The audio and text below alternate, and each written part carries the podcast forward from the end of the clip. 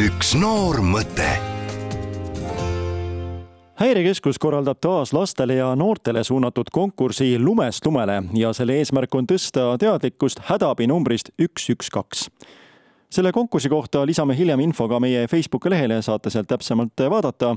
aga täna on meil võimalus rääkida ühe noore elupäästjaga, noormees, kes koos sõpradega päriselt päästis oma treeneri elu. ja meil on telefonil Harri Alfred Koonik, tervist! Tere! kui sa üldse mõtled numbrile üks, üks, kaks, kas sa üldse mäletad ka, et kuidas see number kunagi sulle meelde jäi või, või kuskile silme ette nii-öelda jäi? miks see number sul kogu aeg meeles on? ei tea kustkohast, aga see number on alati meeles mul. vanemad on rääkinud ja vist isegi lasteaias juba. ja siis jäi meelde, et kui ükskõik mis põhjusel abi on vaja, siis on see number, kust tuleb abi küsida? jah. pisut enam kui poolteist kuud tagasi oli ju lugu nii, et olite koos treener Erkki Pütsepaga koos äh, matkal, aga siis juhtus midagi, räägi natukene sellest lähemalt. Et treener kukkus trenni ajal, kukkus istuli maha ja jäi selline lamama. Läksime vaatama, mis tal oli, aga, ja ta ei hinganud ei reageerinud. kui mitmekesi te seal üheskoos olite, ehk siis kui palju oli üldse neid, kes said talle abi anda? kokku oli kümme, kümme tükki, aga abiandjaid oli, abiandjaid oli kolm. ehk siis need teised lihtsalt ei julgenud abi anda, ei osanud või milles see asi täpsemalt oli? vist ei julgenud, seisid kõrval. Kes oli see, kes haaras telefoni, kes oli see, kes hakkas elustama? mina võtsin algul telefoni ja minu trennikaaslase Armini suurem vend hakkas kõigepealt elustamisega pihta, siis oli Armin ja siis olin hakkasin mina. kui palju sa selles mõttes mäletad sellest hetkest, et kui kaua sa kaalusid, kas peaks helistama, et võib-olla toimub ise, võib-olla polegi abi vaja anda, kui pikk umbes see aeg oli, kui te tõesti kõneni jõudsite? Alla minuti, ma arvan. ja mida sa sellest kõnest mäletad, ehk siis mida täpsemalt küsiti, mida uuriti? Küsiti, kus kohas me oleme ja küsiti, kuidas, kas treener reageerib ja kas hingab.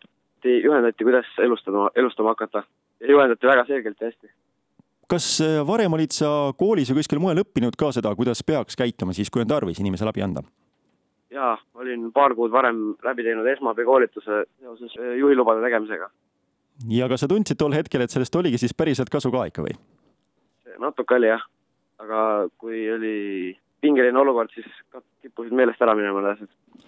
Mis edasi sai, te hakkasite üheskoos seal elustama, siis ühel hetkel tuli abi juba ja, ja kuidas need sündmused arenesid, mis sul üldse sellest meeles on, sest ilmselt see šokk ka ikkagi tabab inimest, sest see kõik tuleb ootamatult, aga palju sul meeles on?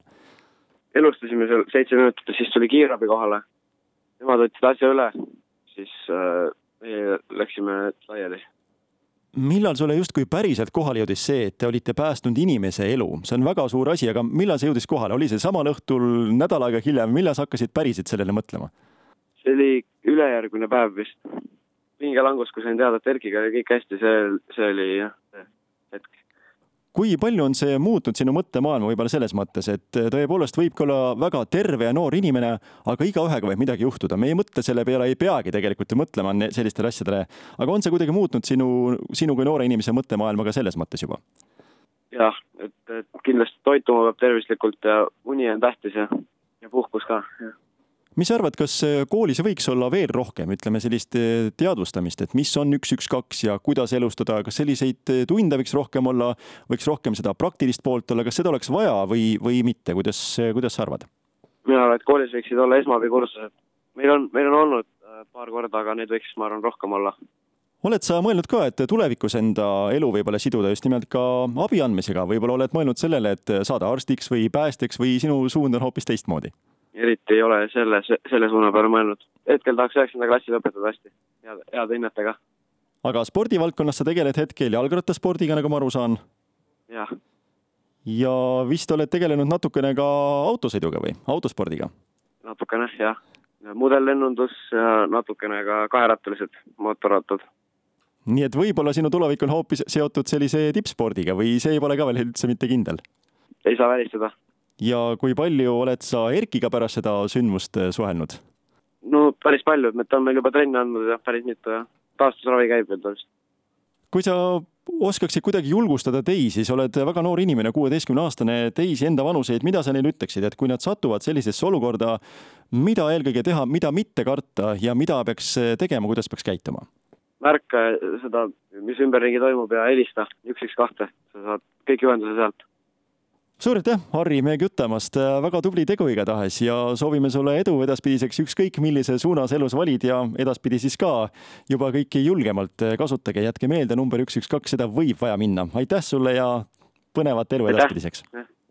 ja nii nagu jutu alguses sai öeldud, konkursile on oodatud osalema lasteaiad, koolid, noorte huviringid, aga ka perekonnad üle terve Eesti ja tuleb teha pilt või video, kus tuleks kujutada lühinumbrit üks, üks, kaks ja inspiratsiooni võiks saada lumest. täpsem info meie Facebooki lehel.